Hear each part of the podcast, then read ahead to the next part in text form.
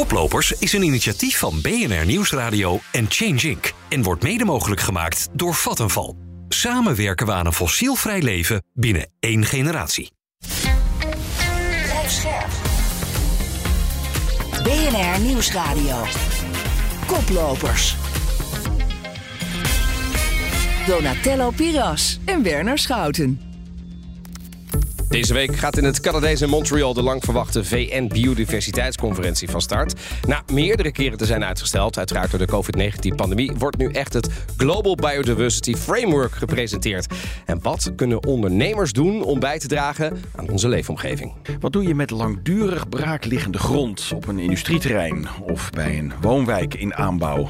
Daar kan je tijdelijke natuur van maken. Ja, dat we iets moeten doen aan de, aan de biodiversiteit die eigenlijk al jaren achteruit gaat. En dat ziet er echt uit als een soort van Amazonegebied in de stad hier. En dat maakt het ook zo waardevol. We introduce a product that would allow us to restore that land faster and be able to capture carbon on land that wasn't our top quality food production.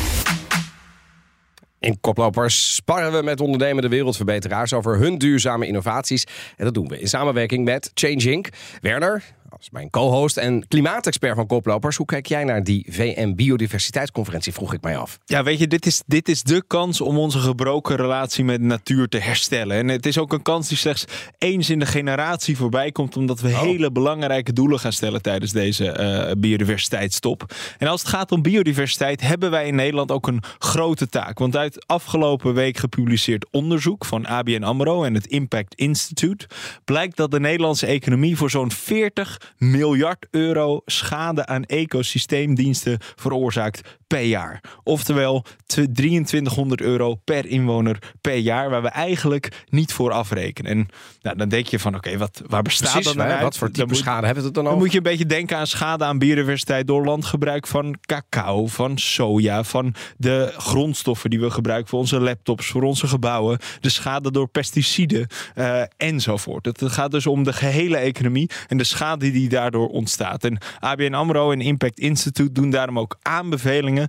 dat bedrijven eigenlijk moeten rekenen met de echte prijzen en dat biodiversiteit een integraal onderdeel moet worden van de besluitvorming, dus bij investeringsbeslissingen, et cetera, om ervoor te zorgen dat we dat getal, die schade, echt naar beneden gaan brengen. Nou, daar gaan we het vandaag over hebben. Onder andere met Mark van Oorschot. Die is senior wetenschappelijk onderzoeker internationaal beleid voor biodiversiteit. En dat is hij bij het Planbureau voor de Leefomgeving. En hij is co-auteur van het recent verschenen rapport Exploring Nature Positive Pathways. Hij, hij doet onderzoek naar de rol van ondernemers in de stand van de biodiversiteit. En hij is bij ons. Welkom Mark. Ja, dank je. Fijn dat je er bent. We weten het, dat het niet goed gaat met de biodiversiteit. Daar hebben we het ook bij Ja. Koplopers wat langer over gehad. Hoogleraar eh, ecologie Louise Vetti zei eerder tegen ons te verwachten een, dat we miljoen soorten zijn verloren zo rond 2050. Een miljoen soorten. Ja, en dergelijke resultaten zijn ook te lezen uit jullie onderzoek. Even de, de stemming bij die top peilen met zulke zwaarmoedige vooruitzichten. Ik bedoel, ehm, zit er nog een beetje licht aan het einde van de tunnel? Eh, momenteel wordt er in Montreal dus onderhandeld over eh, de doelen voor de komende eh, ja, decennia, zou je kunnen zeggen. Daar zitten wel hele mooie doelen tussen, vind ik. Of die kans van slagen hebben, ja, dat, dat, is, dat is nog afwachten. De Wat voor onderhandelingen zijn net begonnen. Er staan doelen in, zoals het vergroten van het areaal. in elk land wat een beschermde status heeft. Nu is dat 17,5% wereldwijd. Nou, Nederland zit daar al lang ver boven. Wij willen dat naar 13, of ja, wij, eh, mondiaal is er een voorstel op tafel om dat naar 30% te brengen. Nou, daar wordt overhandeld bijvoorbeeld. Eh, ook over hoe bedrijven biodiversiteit gaan meenemen in hun eigen bedrijfsvoering. Ook daar worden nu eh, onderhandelingen gevoerd over eh, hoe bedrijven dat zouden kunnen gaan doen. Ja, precies. Zouden kunnen gaan doen is denk ik een hele goede Precies. formulering. Hè. Woensdag gaat hij van start. Dan hebben we het over die Global Biodiversity Framework. Hè. Dat, dat, dat Precies. wordt dan hopelijk overeengekomen. Ehm, even over wat dat framework dan precies zou moeten uithalen. Ik bedoel, als het dan eenmaal staat en mensen hebben een handtekening eronder gezet. Wat kopen wij daar de facto voor? Die doelen die worden mondiaal afgesproken. Ja. Landen zetten daar een handtekening over Ja. en gaan dat vervolgens vertalen in hun eigen nationale beleid. Dat doet Ah. Nederland dus ook. Ja. De EU zit daar dan nog als bestuurslaag tussen. Die hebben ook een eigen biodiversiteitsplan, de EU Biodiversity Strategy. En daar zitten ook allerlei doelen in die naar de lidstaten toegebracht worden. Zijn bindend. En die zijn binnen Europa wel bindend. Ja, ja, precies. Want wa- waar ik een beetje bang voor was, als we gaan kijken naar die doelstellingen. ehm, als het tien jaar terug gaan kijken. Ja, de IG Biodiversity Targets die in 2010 zijn opgesteld volgens mij. Hoeveel is daarvan terechtgekomen, Werner? Nou, zo'n 20 doelen zijn gesteld. Geen enkele is gehaald. Ja, en, en, en dat schept mij, dan, schept mij Ja. dan een beetje sceptisch over wat we nu gaan doen. Is het nou voor de bühne of zeg jij, Mark, nee, het is nu wel anders omdat er nu zoveel spotlights op staan, we kunnen nu niet meer falen? We hebben pas geleden bij de conferentie over het klimaatverdrag ook gezien dat doelen soms heel lastig eh, af te spreken zijn mondiaal. Betekent niet dat je als land en als regio, zoals Europa, zelf niet ook je verantwoordelijkheid kan nemen en een hele hoop kan gaan doen. Oké. We hebben dus gelukkig een EU-biodiversiteitsstrategie al en die gaat sowieso door. Ja, precies. En dat gaat helpen. En dat gaat helpen. Oké, dus ik, ik proef wat optimisme. Dan laten we inzoomen ook op jullie rapport, hè? Exploring Nature Positive Pathways. Daar beschrijven jullie ook dat bedrijven een belangrijke oplossing kunnen hebben voor een natuurpositieve samenleving. Door in het bijzonder eh, eh, aandacht te geven voor biodiversiteit in de waardeketens van bedrijven. Wat kan het bedrijfsleven in hun waardeketens doen om eh, goed om te gaan met die biodiversiteit? Bedrijven kunnen heel veel doen. Je kunt in eerste instantie in beeld brengen wat natuurlijk je eigen invloed op die natuur is. Je relatie met natuur ontdekken, zou je kunnen zeggen. Vervolgens kun je er acties aan doen. Je begint dan vaak als bedrijf op je eigen bedrijventerrein. Kijk naar je eigen omgeving. Ga daar de boel beter inrichten. Op een prettige manier. Ook fijn voor je werknemers. Maar dan moet je naar je keten gaan kijken inderdaad. Hoe gaan jouw leveranciers van grondstoffen of van halffabrikaten om met hun bedrijventerrein. Maar vooral ook, doen ze iets aan hun emissies? Doen ze iets aan hun landgebruik? En zo kan je de hele keten verder terug uit tot aan hè, de primaire sectoren, eh, boeren, eh, bosbouwers, eh, mijnbouw. En hoe die met natuurwaarden omgaan. Ja, want kijk, ik kan me voorstellen dat een boompje planten op je eigen industrieterrein, dat is low-key, dat doe je zo. Maar bijvoorbeeld, Precies. vorige aflevering hebben we het over palmolie gehad. Daar gaan gewoon hele hectares regenwoud tegen de vlakte. Dat lijkt me toch veel belangrijker inderdaad. Helemaal waar. Ik, eh, daarom is ons pleidooi ook om niet naar bedrijven eh, individueel te kijken, maar die bedrijven in een keten te plaatsen. Eh, en dat je daardoor verantwoordelijkheid, die je misschien heel gemakkelijk bij een boer of een basbouwer neerlegt, Ja. dat je die ook koppelt aan wat een consument uiteindelijk kiest. Maar dat betekent dus dat je daar ketenverantwoordelijkheid toe gaat. Ja. En, en, en, en chain responsibility is eigenlijk nog complexer, omdat je dan afhankelijk bent van elkaar. Tegelijkertijd is er dan, hè, en dat, dat volgens dat rapport eh, zijn er dus fundamentele veranderingen in bestaande verdienmodellen nodig om uiteindelijk goede resultaten te halen. Kun je dat concreet maken? Welke verandering is dan daadwerkelijk nodig? Willen we straks inderdaad dat licht aan het einde van de tunnel zien? Ja, nou, er zijn er heel wat voorbeelden voor. Je noemde net al palmolie. Er zijn natuurlijk allerlei andere eh, grondstoffen die je uit de tropen halen. Ja. Cacao, koffie, Ja. eh, maar ook heel veel veevoer. Hè, Ja, we willen natuurlijk koffie blijven drinken. Ja. Je kan zeggen, nou ja, die koffie moet sowieso duurzaam geproduceerd zijn. Maar misschien moeten we ook naar, eh, naar minder koffie. Dus niet alleen kijken naar een eh, Zoals we groen- dat bij vlees eigenlijk ook doen. Dat je zegt vleesconsumptie, nou dan weten we de, de, de impact. Dat zou minder moeten worden. Dat zou, dat zou bijvoorbeeld bij cacao eh, kunnen. Dat zou ook bij koffiebonen kunnen.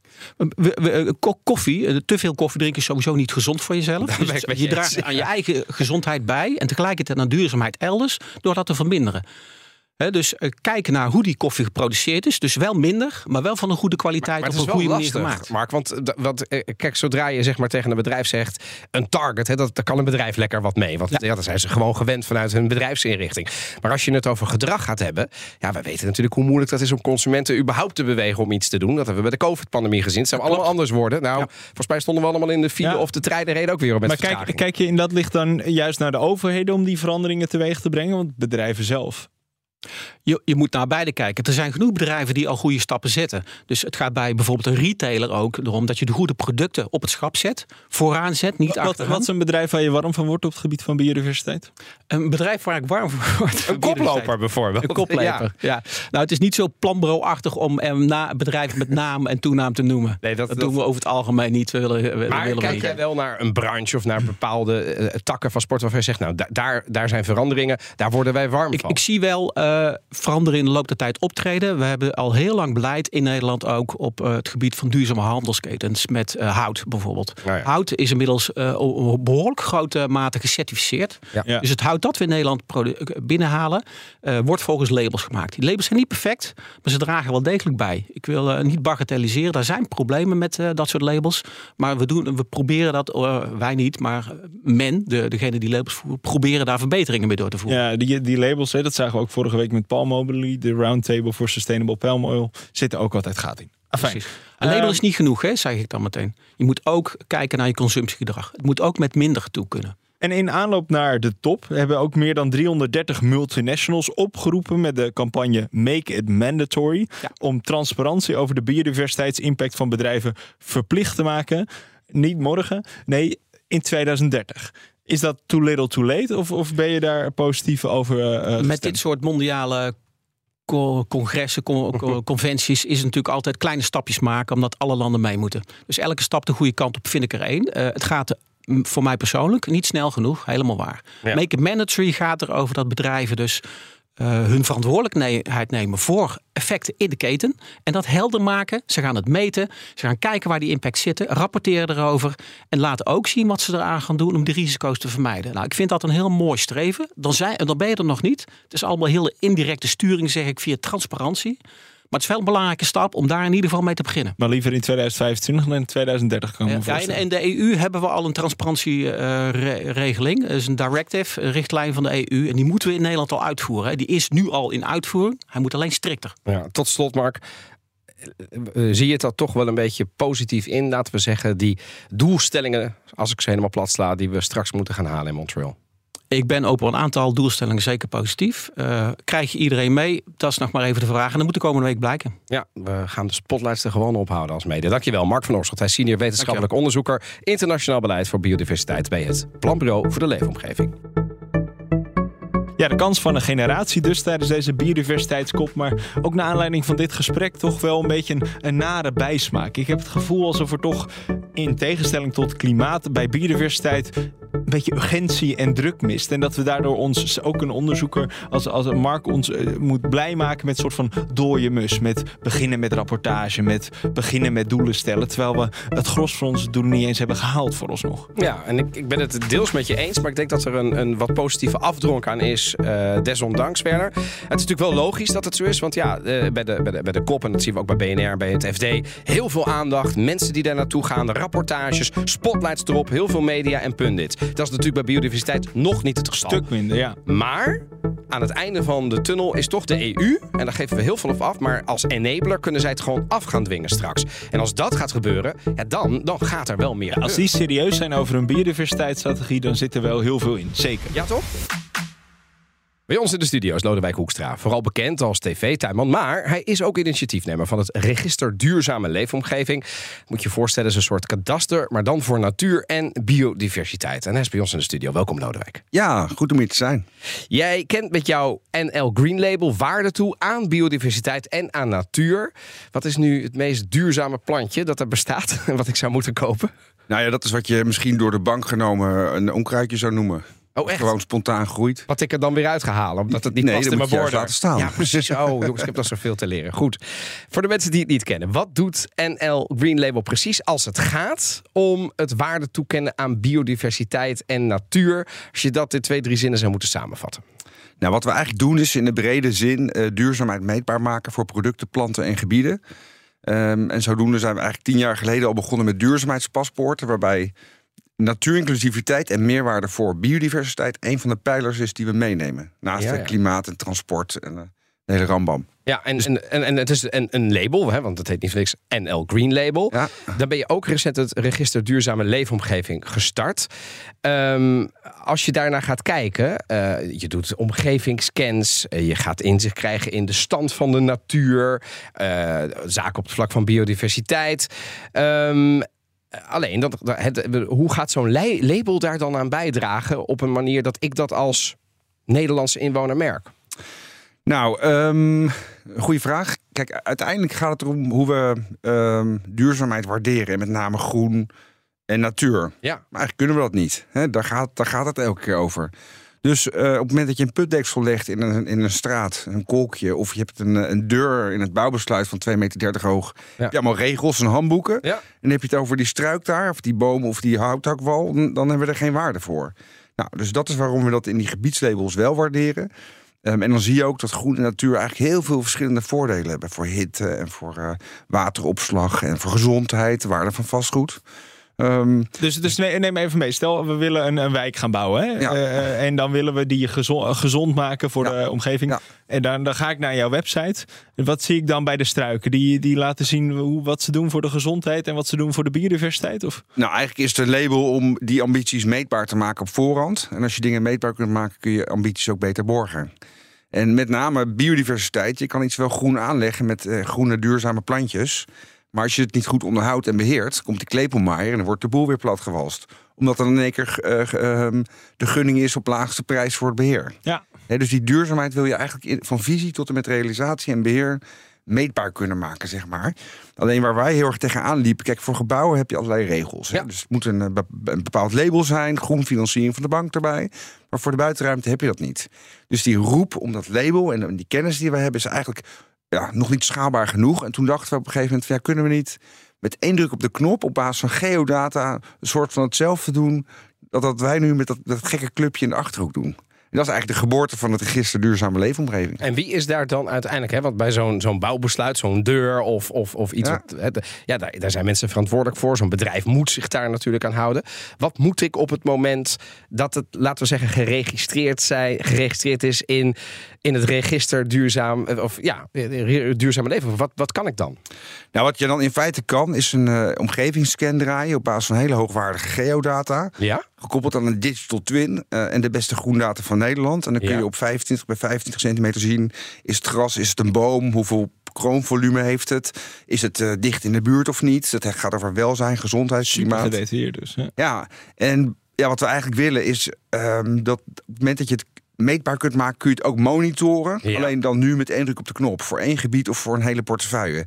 Dus voor banken en voor beleggers en andere Ja, partijen precies. die. Voor wie is het dan? Ja, ik, de, de- de nou, technologie is fantastisch. Maar wie is dan verantwoordelijk om dat uiteindelijk, laten we zeggen, in kaart te brengen? Maar met name wie te monitoren. Ja. Nou eigenlijk moet het rij, rij komen met hele heldere kaders. Maar die zijn er niet. Nee. Dus we lopen ook Hugo de Jonge natuurlijk de bashen. Dan neem het nou mee, weet je wel. Ehm, maar het gaat vooral over. Wat, wat zou Hugo de Jonge moeten doen? Als het, Ja, als het- gewoon, eh, maar ook eh, Van der Wal. K- Natuurinclusiviteit voor producten, materialen en gebieden moet altijd eh, leading zijn. Want we zijn er zelf onderdeel van.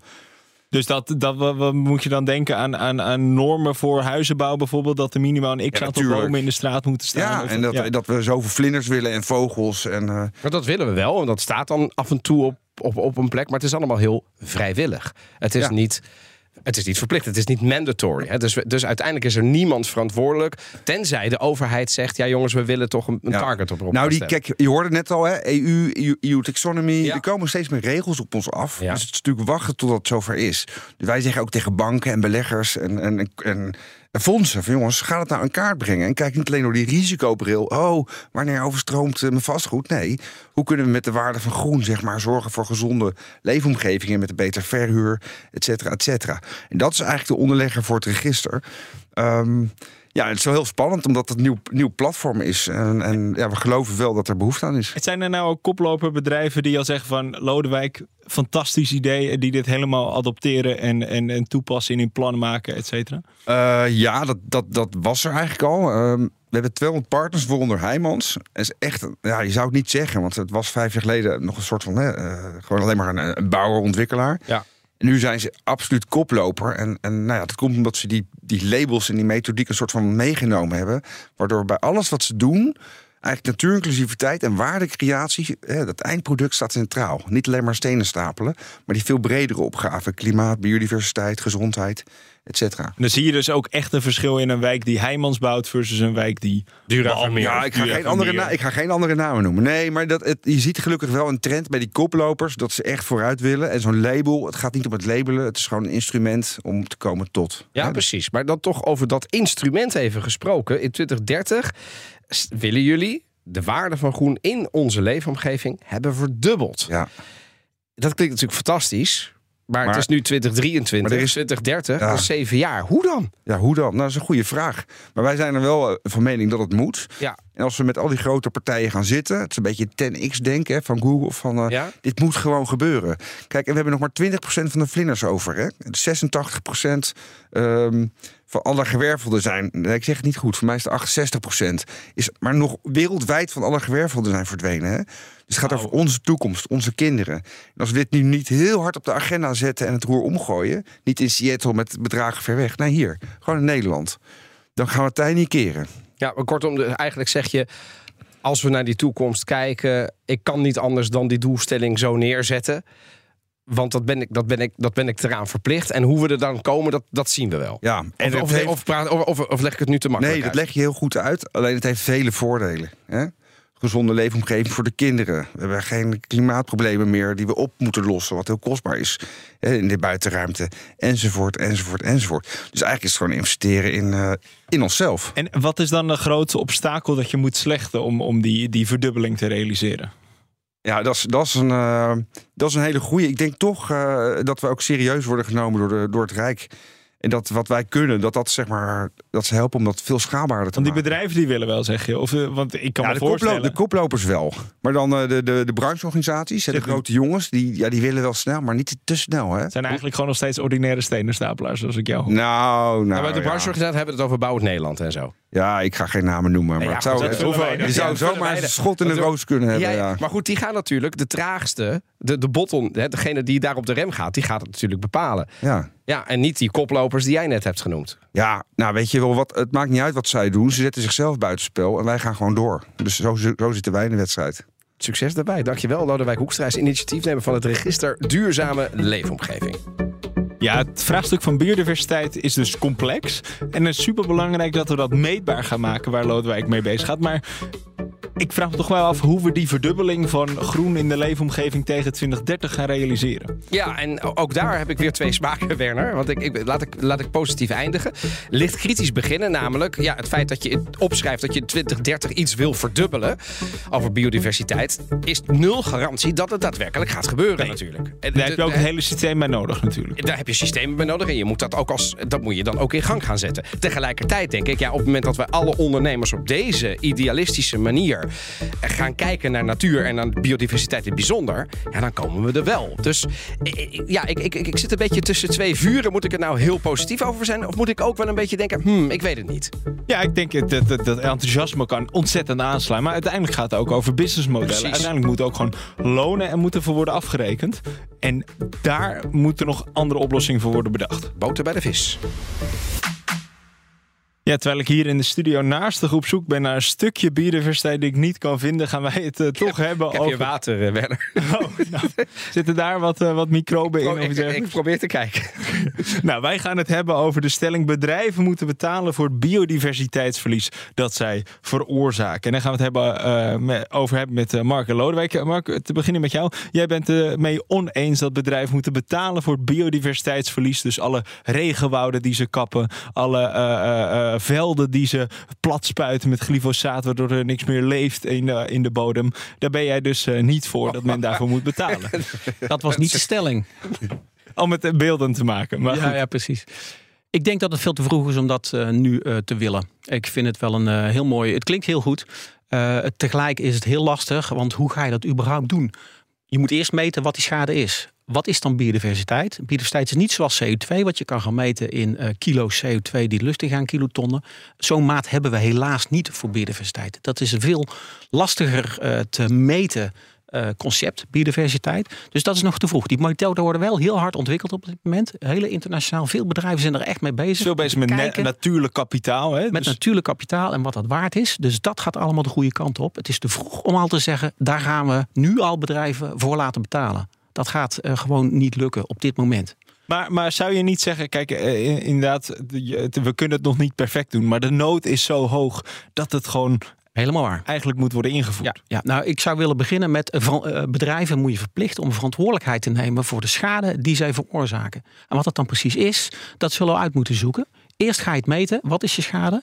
Dan ga je kijken, wat kan ik daaraan doen? En doe je dat dan ook echt? Is het niet alleen maar in beeld brengen, maar ook echt implementeren en je, eh, je beloftes, je commitments echt eh, naleven. Als je dat doet, ben je al een heel eind. Over naar jou, Lodewijk. Jij bent heel lang bezig al met het meetbaar maken van biodiversiteitsimpact. Roerend mee eens, zei je. Ja, waarbij er wel een onderscheid is tussen uh, dat we. Uh, neem je het mee in je processen en, en, kun je er iets zeggen, over zeggen in de keten? Versus hoeveel vlinders zitten dan in dat gebiedje en hè, dat je het allemaal helemaal specifiek uitrekent. En wij denken dat het wel degelijk mogelijk is om toch ehm, aan te geven: joh, uh, heb ik het überhaupt uh, in de scope staan? Uh, heb ik een plant die echt ecologische meerwaarde biedt of niet? Hè? Dus je kan heel makkelijk toch ook wel best wel dingen zeggen. Um, en ik vind eigenlijk wel dat we daar uh, bedrijven op aan zouden moeten spreken. En dat ze ervoor moeten zouden betalen. Maar dat kan alleen als we ze er ook voor gaan belonen als ze het wel goed doen. Ja, dus. En dat wil ik wel meenemen, want anders kun je die discussie niet, niet voeren. Want kom je nog vaak tegen dat men zegt van ja, biodiversiteit toevoegen, dat kunnen we wel doen. Maar, maar asfalt en beton is gewoon goedkoper dan uh, een struikje en dat lange termijn onderhouden. Ja, als maar hoe je het bekijkt, hè. Goedkoop. Welke waarde ken je eraan toe? En op welke termijn? Er zijn heel veel baten van groen en biodiversiteit, maar die vallen pas uh, naar langere termijn. Als die boom groter wordt en volume krijgt, dan pas krijg je die koeling en die. Uh, maar ja. Maar we weten ook heel veel niet, hè? Want ik bedoel, er worden. Uh, het is nu winter. Dus nou, die tuinen die staan natuurlijk nog een beetje vervallen bij in heel veel steden. Straks wordt het weer voorjaar. Ja, dan kijk je toch eens met andere ogen naar die tuin. Hup, de struik eruit. Hup, dat boompje eruit. Want het staat niet meer mooi zo. Dus weten we nou wel wat de waarde van groen is? Nou, ik denk het niet, nee. We, trainen zelfs uh, ook, ook, vakmannen en professionals. Hè? Waar gaat het dan over? Ja, precies. Dus ik denk dat er heel veel onwetendheid ook is, toch? Ik denk bij het algemene publiek, de gemiddelde Nederland, daar ja. veel onwetendheid over is. Er is in Wageningen een initiatief, de Ecosystem Valuation Database, ESVD vorige week een prachtig webinar gehouden over de waarde van natuur. En dat zijn niet alleen maar waarden, geld in het laadje zal ik maar zeggen, maar maatschappelijke waarden. En het is natuurlijk, uh, vind ik, een heel belangrijk is dat bedrijven op een gegeven moment zien welke schade ze toebrengen. En kijken of ze een veel beter product kunnen maken met een hoge maatschappelijke waarde. Wat ook goed goede business zou zijn. Dus zowel je publiek als je private baten goed op orde hebben. Oh. Die balans maken. de, de ASN-bank heeft dus daar al eens een keer mee geëxperimenteerd. Afgelopen week een webinar. Die laten zien dat je dat wel degelijk kan doen in de praktijk. En kan meten. moet je wel willen een ASN zijn kop lopen. Dus zij, zij kwantificeren en monetariseren dus de ecosysteemdiensten van een bepaalde type natuur. En die laten dus ook zien dat als je het in stand houdt. En je bijvoorbeeld recreatie erop toelaat. Of andere vormen van uh, ecosysteemdiensten uitnut. Dat je daarmee dus meer waarde voor de samenleving creëert. Dan wanneer je het zou omzetten in of, uh... Ja, dat, nou, dat zijn dus inderdaad aan het doen. En dan zou je ook, nu kun je, kun je kijken, kan je dat landbouwgebied dus beter inrichten? Meer heggen, meer blauw-groene dooradering, zoals ze dat noemen. En we leveren dat dan vervolgens op aan biodiversiteit. Het kan wel degelijk. Het kan wel degelijk. Ja, ik heb ook even gekeken, Werner, naar wat eh, de community op Change Inc. zegt. Op okay. LinkedIn, want daar zetten we de stelling altijd neer. Ja, en daar zijn wel communistische uitslagen hoor. Bedrijven moeten betalen voor het biodiversiteitsverlies dat zij veroorzaken. 96% van de mensen zegt eens. Slechts 4% zegt oneens. Maar dat zijn wel de mensen die reageren. Okay. Zo zegt bijvoorbeeld Dennis Vermaas. Ja, betalen voor die biodiversiteitsherstel. Ja, maar verbied biodiversiteitsverlies. Het kost een bedrijf soms meer moeite om te veranderen. En het is voor de lange termijn noodzakelijk. Dus de stelling is eigenlijk te simpel, zegt hij schade blijven veroorzaken en er dan voor betalen. Ja, dat is een doodlopend spoor. Stop die schade nu.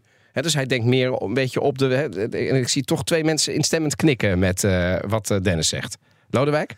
Ja, mm, het is inderdaad natuurlijk een, daarom is het ook een stelling. het moet een beetje plat zijn. Ja. Kijk, wat wij nu met het register doen, dus zeg maar met die omgevingsscan, is we, uh, dan krijg je een soort van status van hier, hier sta je. Maar wat we ook doen is we geven handelingsperspectief op basis van waar je staat, hoeveel zou je kunnen vergroenen? Ah ja. En hoeveel groene natuur zou je kunnen toevoegen? Wat zijn daarvan de kosten tot en met de beheersfase? Maar en wat zijn daarvan de baten gelijk? En dan, dat klinkt een bedrijf natuurlijk als muziek in de oren, dan ben je in control. Dan, weet, dan heb je een dashboard, dan kun je daarop varen. Dan weet je, als ik, als ik hierop druk, dan kom ik daaruit. Dat, nou, dat, is, ja. dat is wat je dan die, dat bedrijf en, dan krijg je dus de financier die zegt: hey, ik wil op een biodiversiteit. Ja. Op het moment dat je aantoonbaar kunt maken wat, waar, waar je staat ja. en wat het, wat het mogelijke wat de mogelijke potentie is, kan die bank zeggen: hé, hey, dan kom ik door de bocht met een groenfinanciering. En dan gaan we monitoren of die maatregelen ook sorteren in de gewenste effecten. Ja, en dat is een beetje hoe wij dat dan zien als uh, koploper. Ja, en, die effecten zijn dan breder dan alleen uh, extra winst bijvoorbeeld, maar ook gezondheidseffecten, uh, klimaateffecten. Ja. ja. En we zijn wel natuurlijk met naturalis aan het kijken, biodiversiteit, wat is dat dan in de leefomgeving? Dat is best wel een complex begrip. Helemaal omdat alles natuurlijk door de mens gemaakt is. Ehm, ja, maar het is geen reden om er niet mee bezig te zijn. Nou ja, en als we gaan kijken, dat is een tweede reactie. En dat, dat, dat, is meer een systeemverandering die nodig is. Dat zegt Marike van der Horst.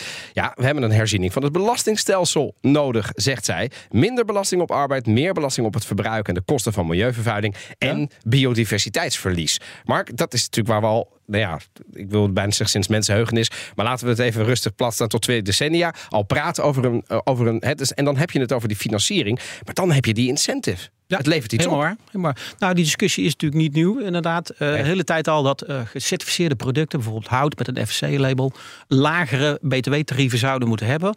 Om dat verschil in prijs met eh, leveranciers van niet duurzame materialen, of in ieder geval niet gelabelde, op te heffen. Dus duurzame producten zijn vaak toch inderdaad duurder, omdat je meer moeite moet doen als bedrijf om dat voor elkaar te Zeker in de beginfase natuurlijk. Nou ja, niet alleen in de beginfase, ik denk misschien wel eh, altijd. Ja, nou, het kan een beetje uitverzien, maar zeker in de beginfase, omdat het er ook een nieuw systeem is. Je moet een nieuw. Ah ja, in de beginfase zijn er altijd wel koplopers, ook onder de consumenten, die hun rol pakken en dat gewoon kopen vanuit eigen verantwoordelijkheid. Wil je het opschalen, dan moet je het een norm maken. Maar als Dan je moet je echt in algemeen. principe massa is kassa wil hebben, dan moet je toch op de knop drukken als overheid. Bijvoorbeeld de omzetbelasting of gewoon de inkomstenbelasting. Dan moet je dat toch verdisconteren, Lodewijk? Voor Nou, wij zijn heel toevallig, eh, kennen we elkaar vanuit een traject eh, om de footprint te halveren in 2050. Dat is een ambitie van het Rijk. Maar ja, 2050 halveren, Hallo. dan zijn we er natuurlijk al niet meer. Maar Waar ben goed. ik dan? Ehm, maar, Ik maar, we ben zijn er daar, nog wel hoor, jongens. Kom op. Goed zo werken. maar in die zin eh, zijn we dus aan het meedenken vanuit beide expertises. En het is een, hele, een enorme zoektocht. Wat is dan een footprint? Eh, wat is een redelijk jaartal? Eh, hoe ga je het meetbaar maken? Eh, dus ik denk dat dat wacht op het Rijk. dat het nog wel even kan duren. Dat is een beetje. Moet gewoon zelf aan de slag. ja, eerst. zeker, zeker. Ik ben nog wel benieuwd, tenslotte, Mark. De biodiversiteitsafbraak is heel nauw gecorreleerd ook met economische groei.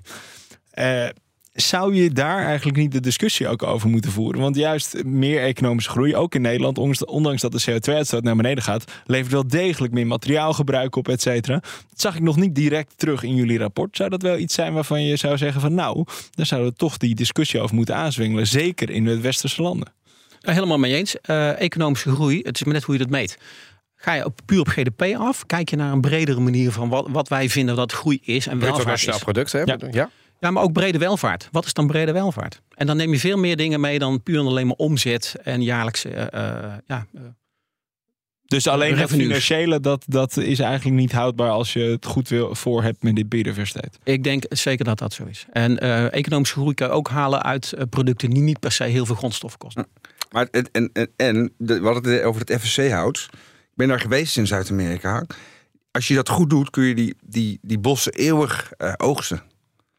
Met Ja, biodiversiteit dan en, wordt het en, en circulair, scholing van lokalen. Ja. Juist, juist dat maakt dat we een economisch verdienmodel überhaupt nog hebben over 30, 40, 50 jaar. Ja, maar dan een houdbaar en een duurzaam economisch verdienen. Binnen de Houd, houdbaar. Ja, met, met FSC zijn er ook hele mooie voorbeelden inmiddels van hele positieve effecten van ons label. Het gaat ook niet altijd goed. En dat weten we ook, dat logo's eh, labels geen eh, garantie bieden dat het altijd goed gaat. Maar daar moet je het middel nog niet meteen wegzetten. Ik ga jullie bedanken. Lodewijk Hoekstra en Mark van Oorschot voor jullie bijdrage hier in de studio. Volgende week hebben we weer een nieuwe koplopers, een podcast en natuurlijk ook om half vier een uitzending. En als je dat dan toch even gaat beluisteren, Vijf sterren als je het leuk vindt. dat vinden wij heel fijn. Dankjewel. Volgende week half vier een nieuwe koplopers. Bye bye. Koplopers is een initiatief van BNR Nieuwsradio en Change Inc. En wordt mede mogelijk gemaakt door Renewy. Voor een circulaire economie. Want afval bestaat niet.